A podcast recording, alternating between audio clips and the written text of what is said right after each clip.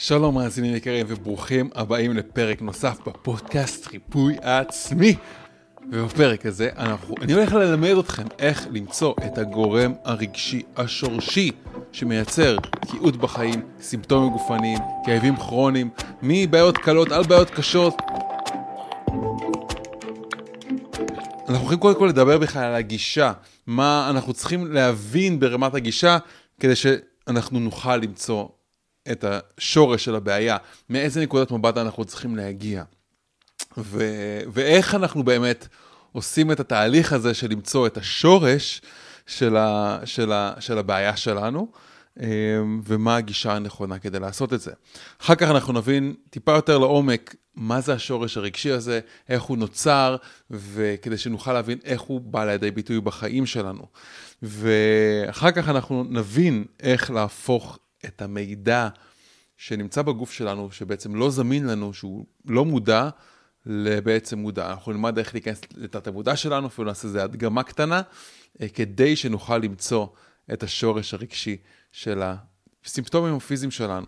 וזה כל כך כל כך חשוב, זה פרק שאני בדרך כלל מלמד בקורסים שלי, אה, אבל החלטתי שאני רוצה להנגיש ספציפית את המידע הזה לקהל הרחב ולכם, למאזינים היקרים ולצופים היקרים של הפודקאסט הזה.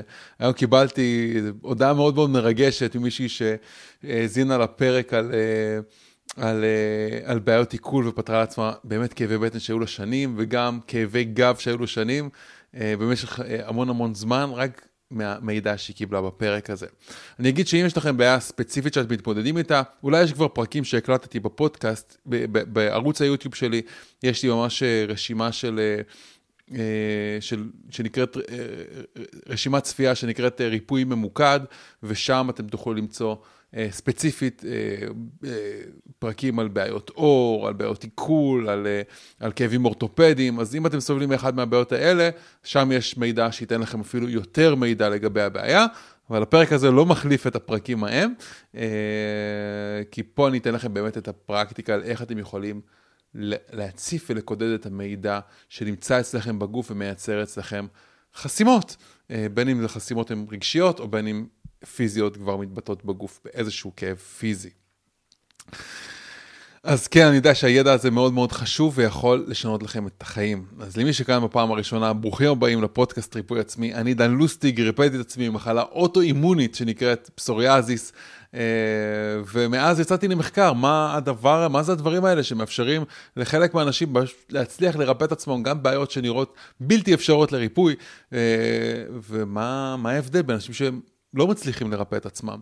יצאתי למחקר הזה כי מאוד רציתי אה, לדעת איך אני מאפשר את הריפוי כמו שאני אפשרתי לעצמי לעוד עוד הרבה הרבה אנשים, ובשנים האחרונות הייתי עד למקרים פנומנליים של ריפוי יוצאי דופן. אה, חלק גדול מהם מקרים, מקרים של ריפוי שגם הרופאים אמרו שריפוי לא אפשרי. אה, אז אני עד למה שקוראים לו ניסים רפואיים, אבל מנקודת המבט שלי זה לא נס. כי יש תהליך מאוד מובנה שהאנשים האלה עברו כדי לרפא את עצמם. והתוצאות שהם הגיעו אליהם, הם לא הגיעו סתם, הם הגיעו מתוך מודעות שהם ידעו בדיוק מה יצר להם את הבעיה, הם, ואחר כך הם גם פתרו את ה... שחררו את האנרגיה הרגשית הכלואה ועשו שינוי בתוך החיים שלהם. וזה מה שאני מאמין שחשוב לעשות כדי לייצר ריפוי ולהבין אבל את הגורם הרגשי, השורשי לבעיה, יכול ברוב המקרים להחזיר את השליטה בחזרה לידיים שלנו כשאנחנו מתמודדים עם סימפטום גופני. זה כמו אה, שהרכב שלנו נע על איזה 200 קמ"ש ואנחנו לא מצליחים למצוא את הבלמים. אז להבין את הגורם יאפשר לכם להבין איפה הבלם נמצא כדי שתוכלו להפסיק לעשות את מה שממשיך לייצר לכם את הסימפטום הגופני. אז, אה, אז אם אתם חושבים שהפרק הזה, אהבתם את הפרק הזה, אני אשמח אם תסמנו פה איזה לייק או תדרגו את הפודקאסט. אה, ואם עדיין לא עשיתם follow או, subscribe לערוץ, אז אני מזמין אתכם לעשות. אה, אני גם אגיד שיש לי אה, ערוץ אינסטגרם שאני פעיל בו, יש לי ערוץ טיק טוק וגם פייסבוק, יש לי גם דף עסקי בפייסבוק וגם דף אישי בפייסבוק, יש לי ערוץ יוטיוב והתוכן הזה גם מופץ בספוטיפיי, אז uh, אני מזמין אתכם לעקוב בכל אחת מהפלטפורמות, כי בכל אחת מהן עולה תוכן טיפה טיפה שונה. אז, uh, וכמובן יש גם רשימת תפוצה שעל בסיס uh, שבועי, אני מוציא שם ממש תכנים ומלמד כל מיני רעיונות של ריפוי וקונספט של ריפוי. יש גם קבוצת וואטסאפ, ששם אני שולח אחת לשבוע פינת תוכן שבועית עם, עם תכנים מאוד מאוד, עם, ה, עם ה top, עם ה highlight של התכנים שיצאו באותו שבוע, אז כולל הפרקים בפודקאסט הזה, אז אם זה מעניין אתכם, אני אשים לכם קישורים מתחת שתוכלו למצוא אותי בכל הפלטפורמות. אה, אה, שווה להיכנס לתיאור. אז יאללה, אה, אני רוצה שתשמעו איזה סיפור קצר, סיפור על ריפוי, שתוכלו להתחיל להבין איך אנחנו יכולים לאבחן את הגורמים הרגשיים לבעיות שלנו, ומיד אחרי הסיפור, הפרק יתחיל. הגעתי לגיל המעבר שחולל בי שינויים מאוד מאוד גדולים בגוף ובנפש. היו לי כאבים בכל הגוף, חוסר שעות שינה, וראיתי שכל מה שאני עושה, שום דבר לא עובד. ניסיתי מלא תוספי תזונה, ניסיתי אוסטיאופטים לכאבים בשרירים ובגוף, ניסיתי להיעזר בכירופרקטים, והבנתי שכלום, כלום לא עוזר. ואם משהו עזר, זה היה לפרק זמן מאוד מאוד קצר, ובזה זה נגמר. ואני לא מוכנה להיות מוגבלת פיזית, לא מקובל עליי. אני לא יכולה להיות עכשיו כל החיים שלי תלויה בכירופרקט ובכדורים. לא מתאים לי. הגיע אליי פודקאסט של דן, והקשבתי, זה כבש אותי. וזה שאני יכולה לרפא את עצמי, זה הדבר שהכי האמנתי בו. מה שלמדתי בקורס זה להיות מודעת לתת-מודע שלי, שזה אוצר בלום ואנחנו פשוט לא יודעים עליו. ויש אה, דרך להגיע למקור הזה שמנהל אותנו ולתקן איתו. וזה בשבילי פריצת דרך. קודם כל, מערכת העיכול שלי השתפרה. העורף שאני מאוד סובלת ממנו השתפר. הכי חשוב זה, אני שמחה, אני פשוט שמחה. הרגשתי שינוי והרגשתי גם מין הקלה כזו שיש לי יכולת לטפל בעצמי. זה עובד, זה עוזר, אני מרגישה שזה עובד. זה תהליך מאוד מאוד מרגש, מאוד מטלטל, ואתה מרגיש שאתה לא לבד בעצם.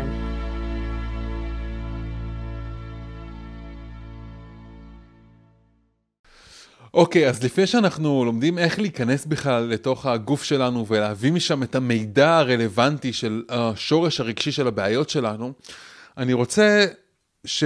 להביא לכם תהליך מקוצר של, של הבנה מאיזה פרספקטיבה ובאיזה נקודת מבט אנחנו צריכים להגיע. אם אתם אנשים שמובילים אנשים, אם אתם מטפלים, אז אתם בטח יודעים את החשיבות של, שיש ל, ל, לדרך שבה אנחנו ניגשים לדברים. כי יכול להיות שאנחנו אה, צופים בשידור הזה עכשיו כי, כי משהו מאוד מפריע לנו, ואנחנו רוצים מאוד מאוד לפתור אותו, ובגלל שאנחנו מאוד מאוד רוצים לפתור אותו, יש הרבה הרבה משקל ומשמעות. אנחנו הרבה פעמים נכנסים ומחפשים את מה לא בסדר אצלנו, ומה שלא בסדר אצלנו מגיע ישר עם תחושת אשמה מאוד עמוקה, או איזשהו מאבק פנימי מאוד גדול, אה, או ביחד עם הרבה הרבה רעש. וזאת לא הגישה שתאפשר לנו לרפא את עצמנו. בשביל להגיע לריפוי עצמי, אנחנו, הגישה שיכולה לתמוך את הריפוי העצמי שלנו, זה, זאת גישה של קבלה. מה זה אומר קבלה? זה אומר שאני עמוק בפנים יודע שאני הכי טוב שאני יכול. אני באמת, אני תמיד עושה את הכי טוב שאני יכול בכל רגע, וגם אם הכי טוב שלי הוא עקום לגמרי, וגם אם אני לא נמצא במקום שבו אני אמור להגיע, וגם אם יש לי נטייה להאשים את עצמי, או לספר לעצמי שאני לא בסדר, או לא מספיק טוב, או להאשים אחרים, או להאשים את העולם, הגישה הזאת לאו דווקא תקבל אותי. לאו דווקא תקדם אותי לריפוי, כי ריפוי לא מגיע מתוך מאבק, ריפוי מגיע מתוך מקום של השלמה. ריפוי מגיע מתוך של השל... מקום של השלמה. ו... אבל כן יש אלמנט, בתוכנו יש קול ביקורתי, והקול הביקורתי הזה לפעמים הוא משווה אותנו לאחרים. למה אני צריך להתמודד עם הדברים האלה שאנשים אחרים מנהלים חיים נורמליים? חשוב להגיד שהדשא של השכן נראה ירוק יותר כי אנחנו מסתכלים עליו מהצד, ולפעמים כשמסתכלים על דברים מהצד אנחנו לא באמת רואים את הדברים לשורשם. אנחנו לא יכולים להסתכל על אנשים אחרים ולהשוות את עצמנו לאנשים אחרים כי זה פשוט לא הוגן. זה לא הוגן כלפינו. מה שאנחנו כן רוצים לעשות זה להסתכל על עצמנו ו- ולהשוות את עצמנו למי שהיינו לפני, לאיך שהיינו לפני, ולראות איך אנחנו יכולים לשפר את עצמנו. וכן, יש אלמנט חשוב ל- ל- להתבוננות כנה ועמוקה. אנחנו כן רוצים לראות את מה שלא בסדר. אנחנו כן רוצים לראות את מה שלא בסדר. זה כמו שאתם ואני נצא ביחד לאיזשהו מסע בבית שלכם, לאיזשהו סיבוב בבית שלכם, במטרה לעשות סדר, שהבית יהיה מסודר יותר, כדי שיהיה מרווח יותר, פנוי יותר, שהאנרגיה תזרום בצורה חופשייה יותר, ותהיה הרגשה של רווחה ושל ריפוי. ואותו דבר אנחנו עושים כאן, אנחנו עושים כאן, זה סוג של תהליך, הפודקאסט הזה, כן? זה, מה שאנחנו עושים כאן, אנחנו הולכים, אני הולך ללמד אתכם איך להסתובב במסדרונות, ה, במסדרונות הנפש שלכם, ולהתבונן. ולנקודה שממנה אתם מתבוננים, יש חשיבות מאוד גדולה. כי הנקודה שממנה אנחנו מתבוננים על הדברים, יכולה לייצר לנו עוד יותר מתח, להגדיל את הדפוסים שלנו ולהגדיל את הבלגן, או שהיא יכולה להביא ריפוי ולהביא שלווה.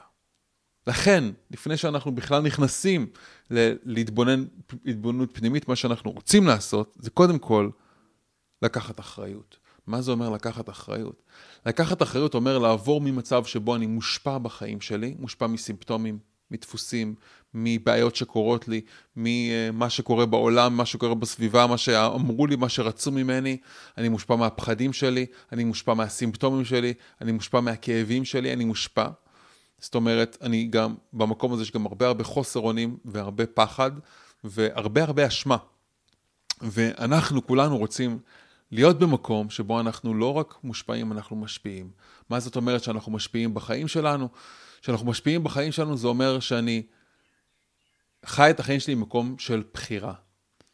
זה אומר שאם ה...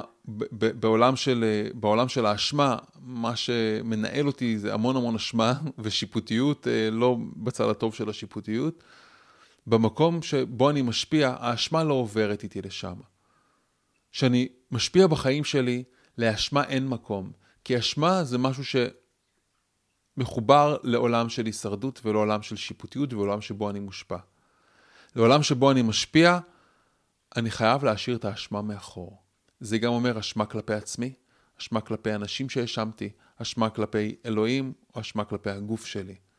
לא רלוונטי. כשאנחנו נכנסים פנימה לגוף שלנו, אנחנו לא משאירים, אנחנו לא נכנסים מתוך מקום של אשמה.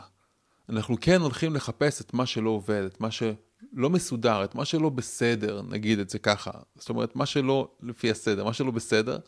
מעט אני גם אסביר מה זה הלא בסדר הזה, כדי שנוכל לעשות סדר.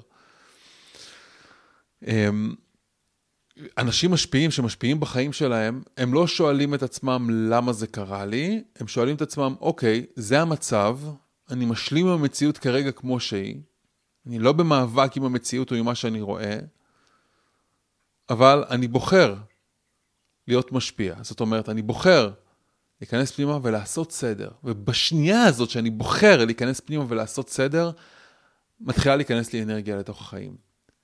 כי ברגע הזה שאני עובר ממצב שבו אני חסר אונים למצב שבו אני אשכרה מתקדם כדי לעזור לעצמי, זה אומר שאני כבר מאמין שהולך להיות לי יותר טוב. זה אומר שאני כבר יודע שאני נמצא על דרך, וכל עוד אני בדרך לאנשהו, למקום יותר טוב, מה שקורה זה שאני אני כבר מרגיש תחושה של סיפוק. וברגע שאני מרגיש תחושה של סיפוק, הדבר הזה יכול לתת לי אנרגיה. ברמה המוחית זה קורה בגלל שמתי שאנחנו, אה, אה, דרך אגב, אנחנו יכולים לקבוע את הכללים, כן? למה אנחנו, למתי אנחנו נחווה סיפוק ומתי אנחנו לא נחווה סיפוק. זה מקום שבו אנחנו משפיעים בחיים שלנו. מקום שבו אני מושפע, זה אומר שהכללים שה, שאני פועל לפיהם, של התגמול או של האשמה העצמית, הם, הם לא דברים שאני בחרתי, הם דברים שאו בחרו בשבילי, או מישהו אחר עיצב אותם, או אה, פשוט התרגלתי לחיות ככה. וכשאני משפיע, אני זה שבוחר את הכללים של מה שמאפשר לי להרגיש סיפוק, למה אני קורא משהו שהוא מוצלח, למה אני קורא משהו שהוא לא בסדר ואני צריך לתקן. לכן שאני בתוך מקום של משפיע, וזה הבסיס, זה הבסיס של ההתחלה של הכל, יש לנו על זה בתהליכים, בתהליך השלם לריפוי עצמי, יש על זה באמת פרק שלם, כי אני, כרגע אני מסביר לכם את זה יותר ברמת ההבנה. המטרה שלי זה שתחיו במקום הזה, שתביאו אותו לרמת החוויה היומיומית בתוך החיים שלכם. וזה תהליך, זה, זה מצריך תהליך. אבל ב, ב, רק להבין את זה כבר יכול לפתוח לנו נקודה בתוך התפיסה שלנו, או לחזק את הנקודה הקיימת בתוך התפיסה שלנו, שאנחנו מגיעים מתוך מקום שבו אנחנו משפיעים, ואנחנו מחליטים במקום הזה על מנגנוני התגמול. אני מחליט מה מייצר לי סיפוק בחיים. ועצם העובדה שאני כבר נמצא באיזשהו תהליך, שאני כבר נמצא באיזשהו מקום שבו יש לי שליטה על החיים שלי, כבר מייצר לי סיפוק. זה מפריש במוח שלי את ההורמון דופמין, ואחרי שההורמון דופמין הוא, הוא, הוא עובר גלגול נוסף, הוא מתפרק והופך לאדרנלין, והאדרנלין נותן לי כוח ונותן לי אנרגיה, וזה דבר נהדר. אז הגישה היא קודם כל אחריות, שאני לוקח אחריות. מה זה אומר לקחת אחריות? אני במצב שבו אני מושפע, שיש בו אשמה, למצב שבו אני משפיע בחיים שלי. שזה מצב שבו אני זה שמתנהל עם המציאות שאני רואה, לא מתוך מקום של מאבק, לא מתוך מקום של הימנעות, לא מתוך מקום של קיפאון או שוק או לא לדעת מה לעשות, אלא מתוך מקום של חקירה, של לראות איפה הדברים לא עובדים ולקבל החלטות שיקדמו אותי ברמה האישית ובכלל בחיים שלי. זה מה שאני רוצה, זה מה שאנחנו רוצים לעשות, אז זאת הגישה, להיות פרואקטיבי. אה, הנקודה הבאה, כבר דיברתי עליה, זה הנקודה של קבלה, ששום דבר לא קורה לי. זה באמת, אה, אה, זה אין הם, יש בפרואקטיב, יש משפט כזה שאנחנו אומרים, זה שאין הם, אין הוא, אף אחד לא עשה לי. וקבלה זה אומר להתנהל בתוך המקום הזה, מתוך מקום של אוקיי, כמו שאני עכשיו מסתכל על המטבח ואני רואה שהמטבח מבולגן, זה מאוד מטריד אותי, בשנייה שאני מתחיל לסדר, אני מתחיל להרגיש הרבה הרבה יותר טוב. אני מקבל את הבלגן הזה, ואז אני מתחיל לסדר אותו. וזה בדיוק מה שאנחנו עושים, שאנחנו עושים עבודה פנימית. והנקודה השלישית זה, זה להבין באמת את הדבר שאולי אני אגיד אותו במשפט, אבל uh, בשביל להבין את זה, זה, זאת הבנה מאוד מאוד מאוד עמוקה בחיים שלנו. זה גם, זאת נגיעה, זה, זה, זה באמת, זה, זה נקודה קטנה מתוך, uh, מתוך התהליך השלם לריפוי עצמי, אבל היא פשוט קריטית כדי להצליח לאבחן את עצמנו. והנקודה הזאת זה להבין שמי שאנחנו, זה לא המחשבות שלנו. לפעמים אנחנו רגילים לשמוע את הקול הזה בתוך הראש שלנו, שגם עכשיו אולי אפילו אנחנו מצליחים לשמוע אותו, אה, שאומר לנו כל מיני דברים, והוא עסוק בחיי היום-יום וחשוב בעתיד ובעבר ובמה יהיה ובמה היה, ויכול להיות שהמחשבות הן מקום מאוד חיובי, ויכול להיות שהמחשבות זה מקום שהוא מטריד אותי. אבל מה שחשוב להבין זה שהמחשבות שלנו הן לא אנחנו. הם לא אנחנו, הם חלק מאיתנו, כמו שיש לי יד, אני לא היד שלי. אותו דבר, יש לי מחשבות, המחשבות הן חלק ממני, הם לא אני. מי זה אני? זאת שאלה כבר הרבה יותר רחבה, הרבה יותר עמוקה, אבל אה, במשפט אחד, אני זה השורש הבסיסי של הרצון שלי. זה מאיפה שנובע הרצון שלי. אומרים שכבוד האדם ברצונו, אז גם...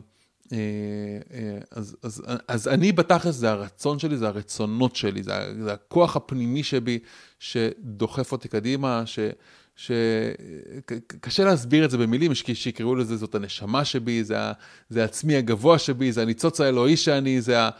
אבל עמוק בפנים, שאני אומר את ה... מי זה האני האמיתי שלנו, יש איזשהו מקום בגוף שלנו שיכול להרגיש את המקום הזה. יכול להיות שהקול בראש, שהקול שלנו בראש כל כך כל כך התגבר וכל כך חזק שאנחנו כבר לא שומעים את אותו, אותו אני האמיתי, אבל האני האמיתי הזה, עמוק בפנים, זה מקור הריפוי שלנו. וזה החלק שמאפשר לנו לשמוע את הקול ההגיוני של הלב שלנו. כשאני שומע את הקול ההגיוני של הלב שלי, אז יש לי כמו, זה, זה, זה, אני מאמין ש, שריפוי, ריפוי באמת זה כמו איזושהי, ריפוי זה כמו איזושהי רוח, זה כמו איזושהי אה, אה, ישות שקיימת בתוכנו. זה כמו חוט זהוב, אוקיי? זה כמו חוט דרך זהוב, שהוא דק ועדין, אבל ברגע שאנחנו עולים על החוט הזה, ברגע שאנחנו מתחברים למקום הזה, לנוכחות הזאתי, אז הדרך נפתחת בפנינו, ואנחנו שומעים את הדברים במקום בהיר, ואנחנו יכולים לייצר סינכרון. ובשביל להביא את זה לרמת החוויה, קשה לי לעשות את זה בנער, כי באמת יש תהליך שלם שאני מעביר אנשים ש, שמאפשר באמת להגיע לקול הזה, זה דורש הרבה קילוף, זה דורש הרבה ריפוי. אוקיי? זה דורש תהליך, זה דורש דרך, וזה מתחיל קודם כל בלאבחן את הדפוסים החוסמים שלי. אז אני אמשיך ואני אגיד, אז אנחנו לא המחשבות שלנו, ובתוכנו יש קול פנימי עמוק יותר, הגיוני וברור, הקול של הלב שלנו. ועם הקול הזה, זה הקול שיכול להביא אותנו, להחזיר אותנו, להשיב אותנו לעצמנו ולהחזיר אותנו לריפוי. ומה זה ריפוי?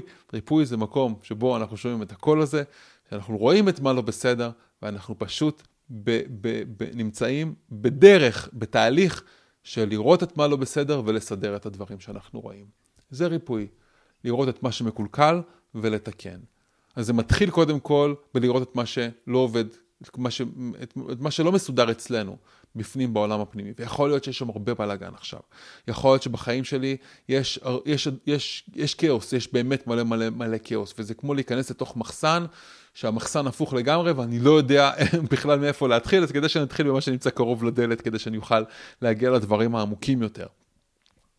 ויכול להיות שאני דווקא, יש לי מקום של שקט פנימי ויש לי הרבה הרבה חיוביות ואפילו הצלחה, ובדרך כלל אחרי שאני אה, מגיע לרמה מסוימת של סדר פנימי, זה אף פעם לא נפתר לגמרי, תמיד צפים דברים ותמיד יש איזשהו כאוס שיגיע מעבר לפינה שאנחנו נרצה תמיד לסדר אותו, וזה התהליך, זה הדרך של החיים שלנו, תמיד החיים שלנו הם, הם, בהתמודדות מתמדת בין כאוס לבין סדר.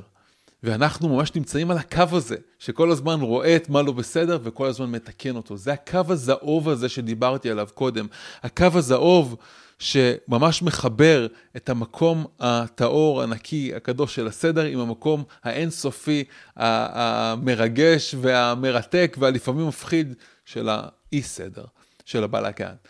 וכי ככה, ככה, אלה החיים. זה היסודות שעליהם בנוי היקום שלנו. קראו לזה אינג ויאנג, קראו לזה אנרגיה זכרית ונגבית, קראו לזה מידת החסד ומידת הרחמים, קראו לזה אה, אה, השכינה הקדושה והבורא, קראו לזה הרבה הרבה, בהרבה הרבה שמות, בהמון המון תרבויות, אבל אנחנו יכולים לראות את זה אה, גם בגוף שלנו, שיש לנו צד ימין של הגוף, צד שמאל של הגוף, עונה ימנית של המוח, עונה שמאלית של המוח, ולכל אחת מהם איכות שונה ותפקוד שונה. אז הריפוי זה בעצם להיות בקו האמצע הזה, שמבין שאני לא מושלם, וגם מבין שאני עושה את הכי טוב שאני יכול, ו- ומתבונן עמוק בפנים ורואה את מה שלא בסדר ומסדר את הדברים. מתוך מקום באמת ניטרלי, חופשי משיפוטיות, להבין שהמחשבות שלי הן לאו דווקא האמת, הן לאו דווקא המציאות, הן לא אני. אני זה משהו עמוק יותר, וזה בסדר אם אני לא יכול עדיין לשמוע את האני הזה, להיות מחובר אליו, או שאני כבר כן שומע ואני מאוד מחובר אליו, זה נהדר. אה, אה, ואני רוצה שאנחנו, אני אלמד אותך עוד איך, איך נכנסים פנימה, להיות במקום שבו אנחנו מתבוננים, נכנסים לתוך העולם הפנימי שלנו, כמו שאנחנו מהלכים בבית, בבית שלנו, בהיכל הפנימי שלנו, ואנחנו מסתובבים ואנחנו פשוט בהתמודדות כנה ונטולת אשמה. כנות, כנות, כנות, כנות, כנות, כנות, קבלה, קבלה, קבלה, קבלה, קבלה, קבלה, קבלה, קבלה, ואחר כך אנחנו יכולים גם מהמקום הזה להבין.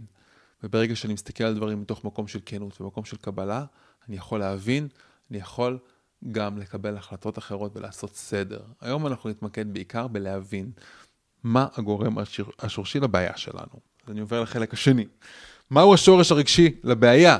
אז השורש הרגשי לבעיה שלנו אם אתם עוקבים ושמעתם כבר uh, את התכנים שלי, או צפיתם כבר בפרקים אחרים בפודקאסט הזה, אתם בטח יודעים ששורש הרגשי לבעיה שלנו נקרא יודין. מה זה יודין? יודין זה רגע אחד בזמן שהוא לא צפוי, דרמטי, יוצר תחושת בידוד שאנחנו לא יודעים מה לעשות איתו כדי איך להתמודד איתו. זה רגע כזה כמו שאני הולך יום אחד בעיר לעבודה, ו-out of the blue, אה, מזמין אותי למשרד של הבוס, והבוס אומר לי, שומע חבר, אה, אנחנו בקיצוצים בחברה, והתפקיד שלך איתנו מסתיים, ואנחנו מודיעים לך על הכל, אבל תוך שבועיים אתה תוכל להרוס את הדברים שלך ולצאת. רגע, לא צפוי דרמטי, יוצר דרשת בידוד שאני לא יודע איך להתמודד איתו. אם הייתי מוכן לזה לפני, וידעתי שיש קיצוצים בחברה ויש מצב, וכבר התחלתי להתכונן, יש מצב שזה לא, יכני, שזה לא יפעיל יודין. מה קורה ברגעים כאלה? ברגעים כאלה מופעל בתוך המוח שלנו מנגנון fight or flight, מנגנון ההישרדות של המוח, אה, מערכת הסימפתטית מופעלת, שזה בתכלס מופרשים הורמונים של סטרס שמשפיעים על הפיזיולוגיה של הגוף שלנו, משפיעים על המחשבות שלנו, הרגשות שלנו, על התפיסה שלנו, על הזהות שלנו, משפיעים על הכל, אוקיי? ומה שקורה זה שהם גם נצרבים, רגעים כאלה נצרבים אצלנו בזיכרון ומשחזרים את עצמם בכל מיני טריגרים שונים, בכל מיני מצבים שונים. האנרגיה הרגשית היא אותה אנרגיה רגשית, אבל היא משחזרת עצמה בכל מיני מקומות בחיים שלנו. הבעיה שהיא לא מודעת, וזה מה שמייצר כאוס ובלאגן בחיים שלנו, ואלה הדברים הלא מודעים. זה המקום, מה שאנחנו לא מודעים אליו בחיים שלנו. התכלית של היודינים בחיים שלנו זה כדי שאנחנו נגדל נתפת, ונתפתח. אוקיי? זה כדי שאנחנו נעשה שינויים בחיים שלנו ושנוכל להסתגל לשינויים שקורים בסביבה ובחיים שלנו. ו... אה, ו... עמוק בפנים, אנחנו חווינו מלא יודינים, חווינו מלא מלא חוויות כאלה, בטח בשנים האחרונות, ובטח בילדות שלנו, ובטח בעבר שלנו. והדפוסים האלה נמצאים אצלנו בגוף ומייצרים, אה, המטענים הרגשיים האלה נמצאים אצלנו בגוף, זאת אנרגיה רגשית כלואה שנמצאת אצלנו בגוף, והיא מייצרת תקיעות בחיים שלנו ומייצרת כל מיני דפוסי התנהגות שהם לאו דווקא מקדמים אותנו, אוקיי? מצד אחד זה יכול לייצר לי מוטיבציה, אבל זה לא מוטיבציה שהייתי בונה לאורך, לאורך זמן. כי בסופו של דבר, אנחנו רוצים להגיע לרווחה נפשית ולרווחה גופנית, נכון? זאת ההבטחה של הפודקאסט הזה. זה מה שאנחנו עושים פה, אנחנו מרפאים את עצמנו לרווחה נפשית וגופנית. ומה זה אומר להגיע לרווחה נפשית וגופנית? זה להגיע למקום שבו אני... קודם כל בכלל מודע לאיז, למה מנהל אותי ואני יכול לרפא את אותה אנרגיה רגשית כלואה שמשחזרת את עצמו בחיים שלי, ואז אני עושה שינוי.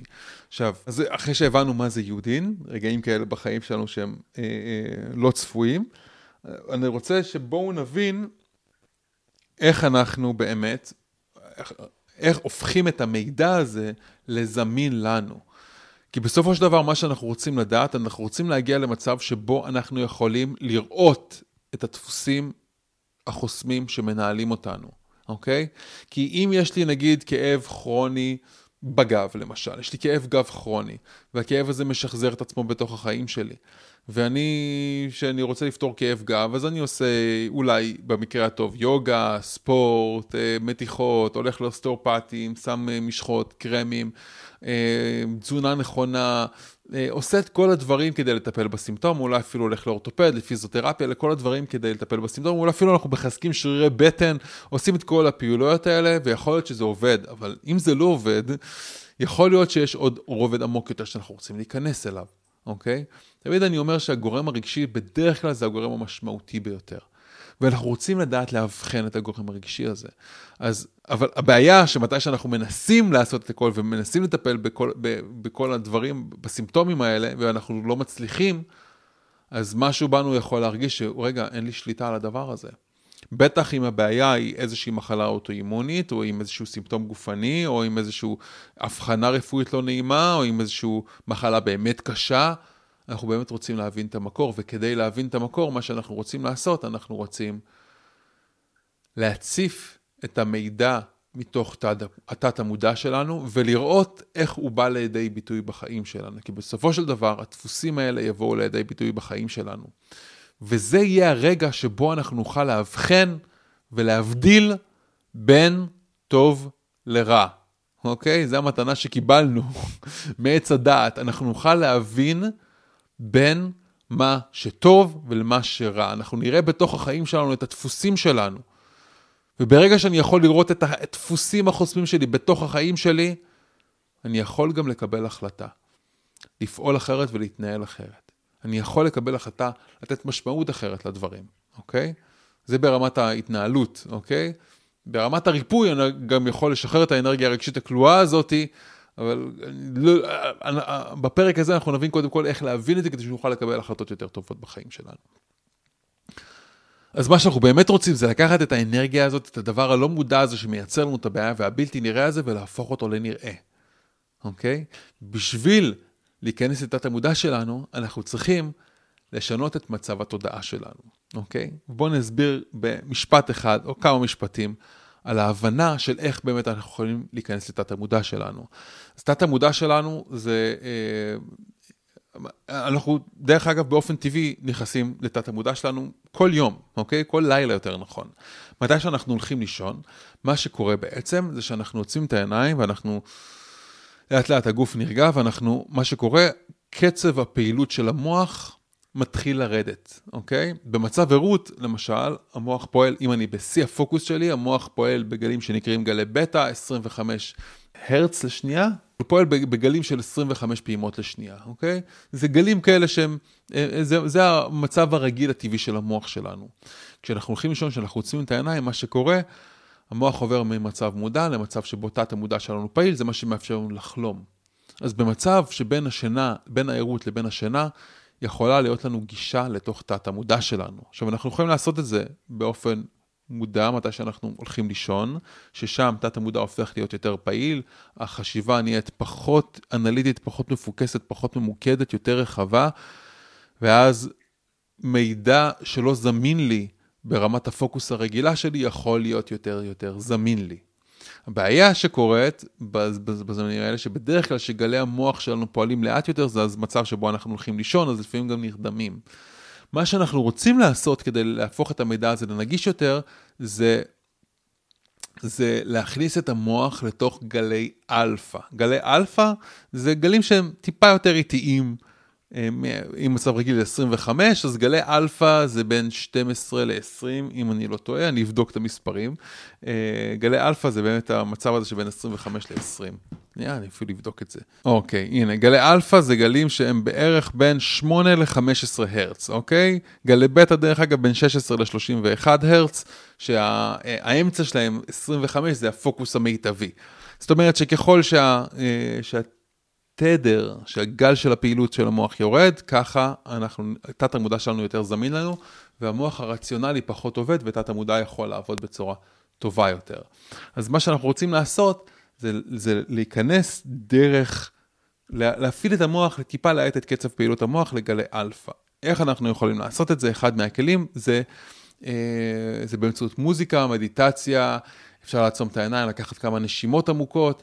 ועכשיו אני הולך לשים לכם צליל שנקרא אה, אה, ביטים בינאריים. ממליץ לכם, אם אתם לא עם אוזניות, לשמוע את זה עם אוזניות, או לפחות לשמוע את זה בסטריאו, אה, כי יש אה, פה תדרים שמופעלים בצד אחד של המוח, אה, ומפעילים תדר טיפה אחר בצד אחר של המוח, וזה ממחקרים של, ממחקרים שממש אה, עלו על התדרים האלה ממחקרים של המוח, איך המוח שלנו עובד. אז עכשיו אני הולך לשים לכם תדר של גלי אלפא.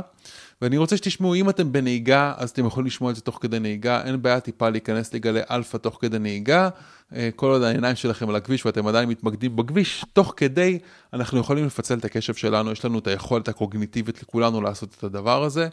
אה, כדי שנוכל להבין באמת רגע אחד מה תת המודע שלנו רוצה להגיד לנו. אז אני אשים לכם עכשיו את הגלי אלפא.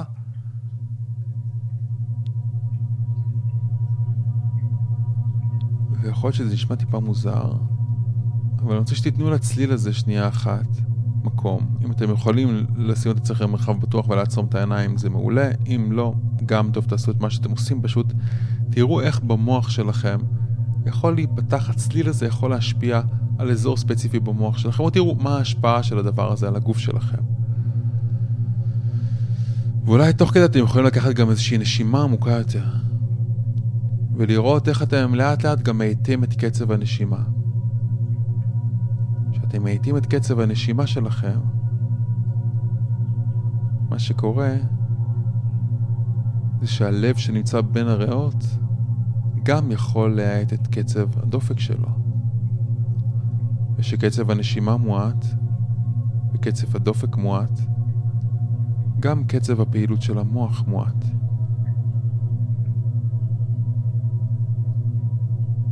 ושהקצב איטי יותר, אולי כל מיני דברים מתחילים לצוף ולעלות, בין אם זה יכול להיות אולי אפילו חוסר סבלנות, או צורך או דחף לעשות משהו, וכל מה שעולה אנחנו פשוט נותנים מקום. ואם העיניים שלנו פתוחות אז אנחנו מסתכלים על הכביש, או מסתכלים על מה שאנחנו מסתכלים, אבל משהו בנוכחות שלנו יכול להירגע יותר, ולהיות מודע יותר, ונוכח יותר ברגע הזה. ואם העיניים שלנו עצומות, אז אנחנו יכולים אפילו לקחת עוד יותר התבוננות פנימית למקום טיפה יותר רגוע יותר ועמוק יותר ולקחת עוד נשימה עמוקה. ועכשיו שקצב הפעילות של המוח שלנו איטי יותר, אני רוצה שפשוט כמו באופן אינטואטיבי נסרוק את הגוף שלנו מלמטה למעלה, מלמעלה למטה. ואם יש כאבים באזור ספציפי, או לחץ באזור ספציפי, או משהו שמטריד אותי בכלל בחיים שלי, אני רוצה לשאול את הגוף שאלה. בגלל שהגוף שלנו הוא ישות אינטליגנטית. כל תא ותא בגוף שלנו יש לו תודעה, יש לו מודעות. הגוף שלנו זה רובו המוחלט זה מים. ויש ממש מחקרים שמראים שמים הם האמצעי דרכו מתבצעת התקשורת בין הגוף שלנו לבין הטבע. או בין הגוף שלנו לבין העולם. ואני רוצה שתסרקו את הגוף שלכם. אני רוצה שתראו. שאלו את הגוף. איפה בגוף האנרגיה לא זורמת כמו שהיא אמורה לזרום? איפה בגוף האנרגיה לא זורמת, שזה התחלה של אותה בעיה, אותו דבר שיושב עליי שמטריד אותי שאני רוצה, שאני רוצה לפתור. יכול להיות שהמקום הזה הוא באזור הלב, הבטן, היד, הגבה, מאחורי הברך. לא משנה. הגוף יראה לכם. וזה לא משנה מה אתם חושבים, אם זה מגיע מהמוח או מגיע מהגוף, זה לא משנה. ואיפה שיגיע, באופן אינטואיטיבי, ימשוך אתכם לשם, אתם פשוט תלכו לשם. ואם המוח הרציונלי עובד, ועובד שעות נוספות, זה בסדר. תנו לו להמשיך לעבוד. אנחנו אך ורק מתבוננים. ואני רוצה שתתבוננו ותראו מה עולה מתי שאתם מגיעים לאזור הזה, מתייחסים לאזור הזה. יש שם תמונות, מחשבות, דימויים, אנשים, אנרגיות, צורות. מה יש שם באזור הזה שאתם יכולים לראות?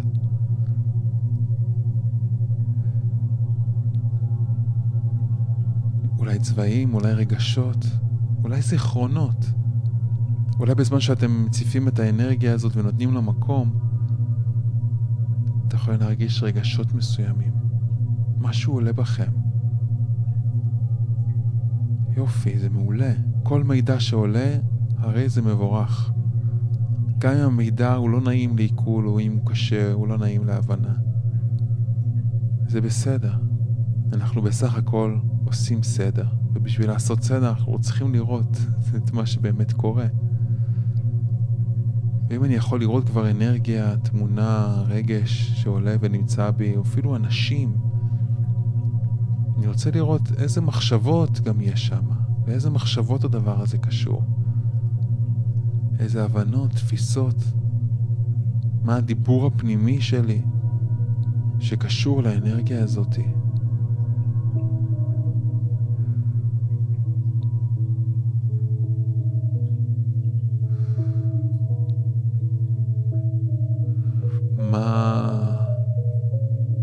אני פוגש את זה אבל בתכלס בחיים שלי?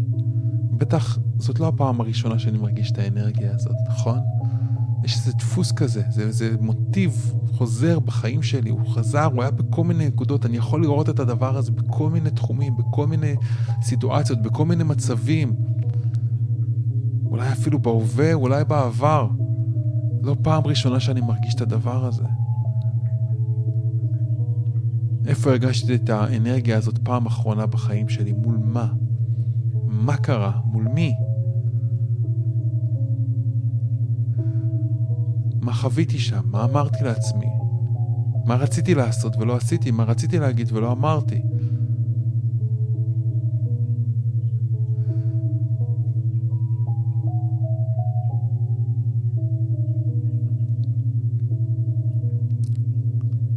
שחשוב לי זה שאני אוכל לראות את הדפוס הזה, איך הוא בא לידי ביטוי בחיים שלי. עכשיו כמה שאלות קטנות, האם אני מוכן לסלוח לעצמי על זה שזה ככה? כי אני יודע שאני באמת עשיתי את הכי טוב שאני יכול, גם אם זה לא יצא טוב. האם אני מסכים לסלוח לעצמי? ואם התשובה היא כן, אז יופי. ואם התשובה היא לא, אני רוצה למצוא מקום בתוכי שיכול לסלוח לעצמי. לסלוח דווקא אומר, לאו לא דווקא אומר שאני מסכים עם דבר מסוים, אבל זה אומר שאני מסכים להכאיב לעצמי או לכאוב על הדבר הזה. האם אני מסכים לסלוח לעצמי על זה שזה ככה? ואם אני הייתי עוד בן אדם, אם יהיה קשור לדבר הזה עוד בן אדם, עוד מישהו, עוד אנשים. אני רוצה לשאול האם אתם מוכנים לסלוח להם על מה שקרה, או על מה שהם שיקפו לכם. האם אתם מסכימים לסלוח להם?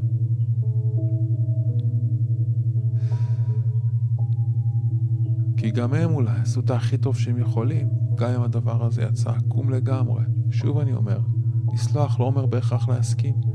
לסלוח אומר להפסיק לסבול. להשאיר את העבר בעבר ולהתקדם לעתיד שיכול להיות חדש ואחר. שאלה שלישית, האם אני מסכים לשחרר את האנרגיה הזאת? האם אני באמת מסכים לשחרר את האנרגיה הזאת?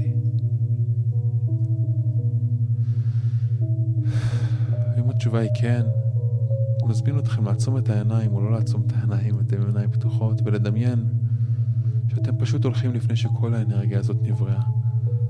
משנה איפה זה, לא משנה מתי זה. בדמיון שלכם אתם הולכים למקום לפני שכל האנרגיה הזאת נבראה בכלל. אם לקחתם אותה ממישהו, אז גם לפני שהיא נבראה. אז אתם יכולים אפילו ללכת, ללכת לפני החיים שלכם. אתם יכולים ללכת לבריאת העולם. אתם פשוט הולכים לפני, בדמיון שלכם לפני שכל האנרגיה הזאת בכלל נבראה. וכשאתם מגיעים לפני המקום הזה, אתם יכולים לתת לעצמכם איזה סימן שאתם שם. אני אשאל אתכם, האם אתם מסכימים לשחרר את האנרגיה הרגשית הכלואה הזאתי? שכבר לא משרתת אתכם. והשאלה השנייה, האם אתם, עכשיו שהאנרגיה הזאת כבר לא בחיים שלכם, מה אתם יכולים להפסיק לעשות שעד עכשיו עשיתם? מעולה. התשובה הראשונה שעולה זה לא כזה משנה. ועכשיו שכבר, עכשיו שהאנרגיה הזאת כבר לא בחיים שלכם, מה אתם יכולים להתחיל לעשות שעד עכשיו לא עשיתם? האם אתם יכולים להרגיש אחרת עכשיו בחיים שלכם? בלב שלכם? אולי יש איזשהו מקום של אנרגיה חדשה. מקום שמרגיש נעים יותר. מקום שמרגיש לכם יותר כמוכם. תנו לאנרגיה החדשה הזאת להתרחב, תנו לה יותר מקום. תנו לעצמכם שם המקום. יש בתוככם עכשיו מקום יותר לעצמכם, יש מקום יותר שיודע עכשיו מה נכון. ובמקום הזה אני רוצה לשאול אתכם, עכשיו, עם האנרגיה החדשה הזאת, עם המקום החדש הזה, אם יקרה סיטואציות כאלה בעתיד, איך תגיבו? איך הייתם מגיבים? איך הייתם מתנהלים מול סיטואציה כזאת?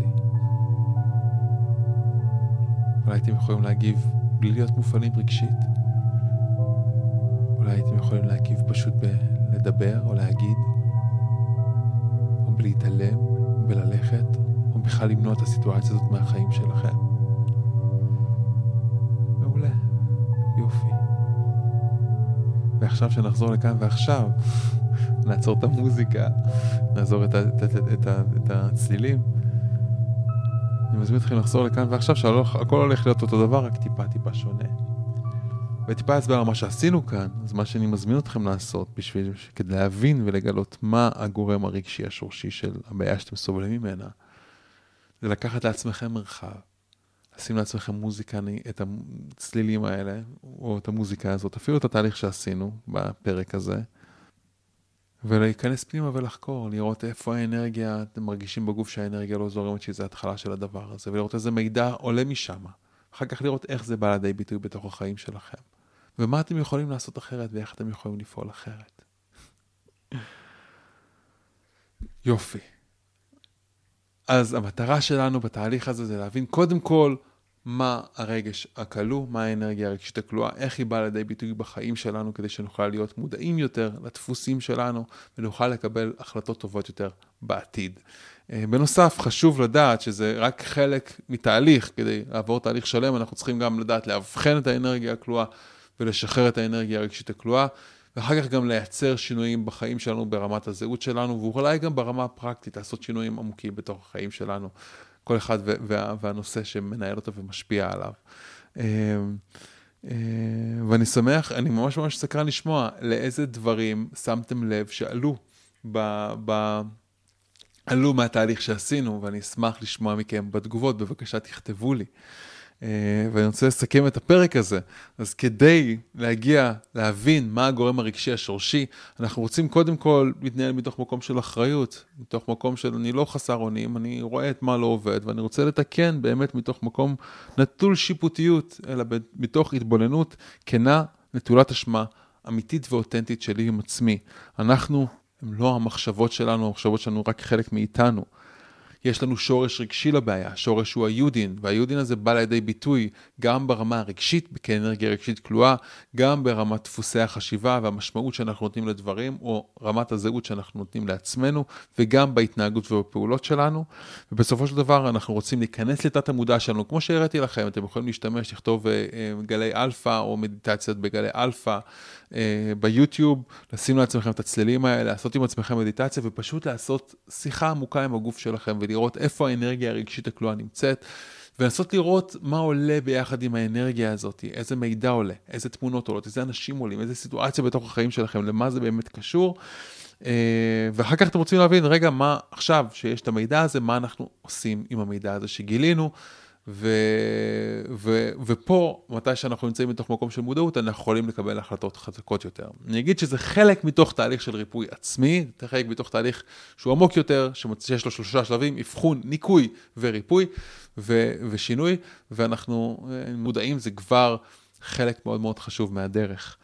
אז uh, אני ממש ממש ממש סקרן לשמוע מה לקחתם מהפרק הזה, uh, ואשמח לשמוע ולקרוא לכם בתגובות אם אתם אוהבים את הפרק הזה ואתם חושבים שזה נתרמתם ממנו ואתם חושבים שיש אנשים שזה יכול לעזור להם, בבקשה תעבירו את המידע הזה הלאה. תודה רבה, אני דן לוסטיג וניפגש בפרק הבא. זהו, עד לכאן הפרק של היום. אם אהבתם את הפרק, אל תשכחו לדרג את הפודקאסט ב iTunes, Spotify, Google Podcast, SoundCloud, YouTube או בכל פלטפורמה אחרת שדרכה אתם מאזינים לנו כרגע. תוכלו למצוא באתר הפודקאסט selfheal.co.il קו נטוי פודקאסט את כל הכישורים הרלוונטיים לפרק הזה. שם גם תוכלו להירשם לפודקאסט ואנחנו נשלח לכם תזכורת בכל פעם שאנחנו מעלים פרק חדש. נרשמים באתר selfheal.co.il. אני מזמין אתכם לכתוב לי תגובות, מה אהבתם, את מי תרצו לשמוע בפרקים הבאים, או כל הערה והערה אחרת שיש לכם. מוזמנים לשלוח לי ישירות למייל דן שטרודל selfheal.co.il או בפייסבוק שלי facebook.com קו נטוי רפואת על. אם אהבתם את הפרק הזה, אל תשאירו את כל הטוב הזה רק לעצמכם. בטוח שיש לכם חברים שרוצים גם לרפא את עצמם. שתפו אותם ושלחו להם את הפרק הזה. ומילה אחרונה אבל חשובה, אם קיבלתם השראה מהפודקאסט ואתם מרגישים יותר רווחה נפשית וגופנית, החלטתם שאתם רוצים לרפא את עצמכם או להוביל תהליכי ריפוי, ואתם רוצים ומוכנים לעשות את מה שצריך כדי לגרום לזה לקרות, אני מזמין אתכם לבדוק את תהליכי העומק וההכשרות המקצועיות שלנו באתר selfil.co.il. אני דן לוסטיג, שמח שהאזנתם לפרק, ונשתמע בפרק הבא.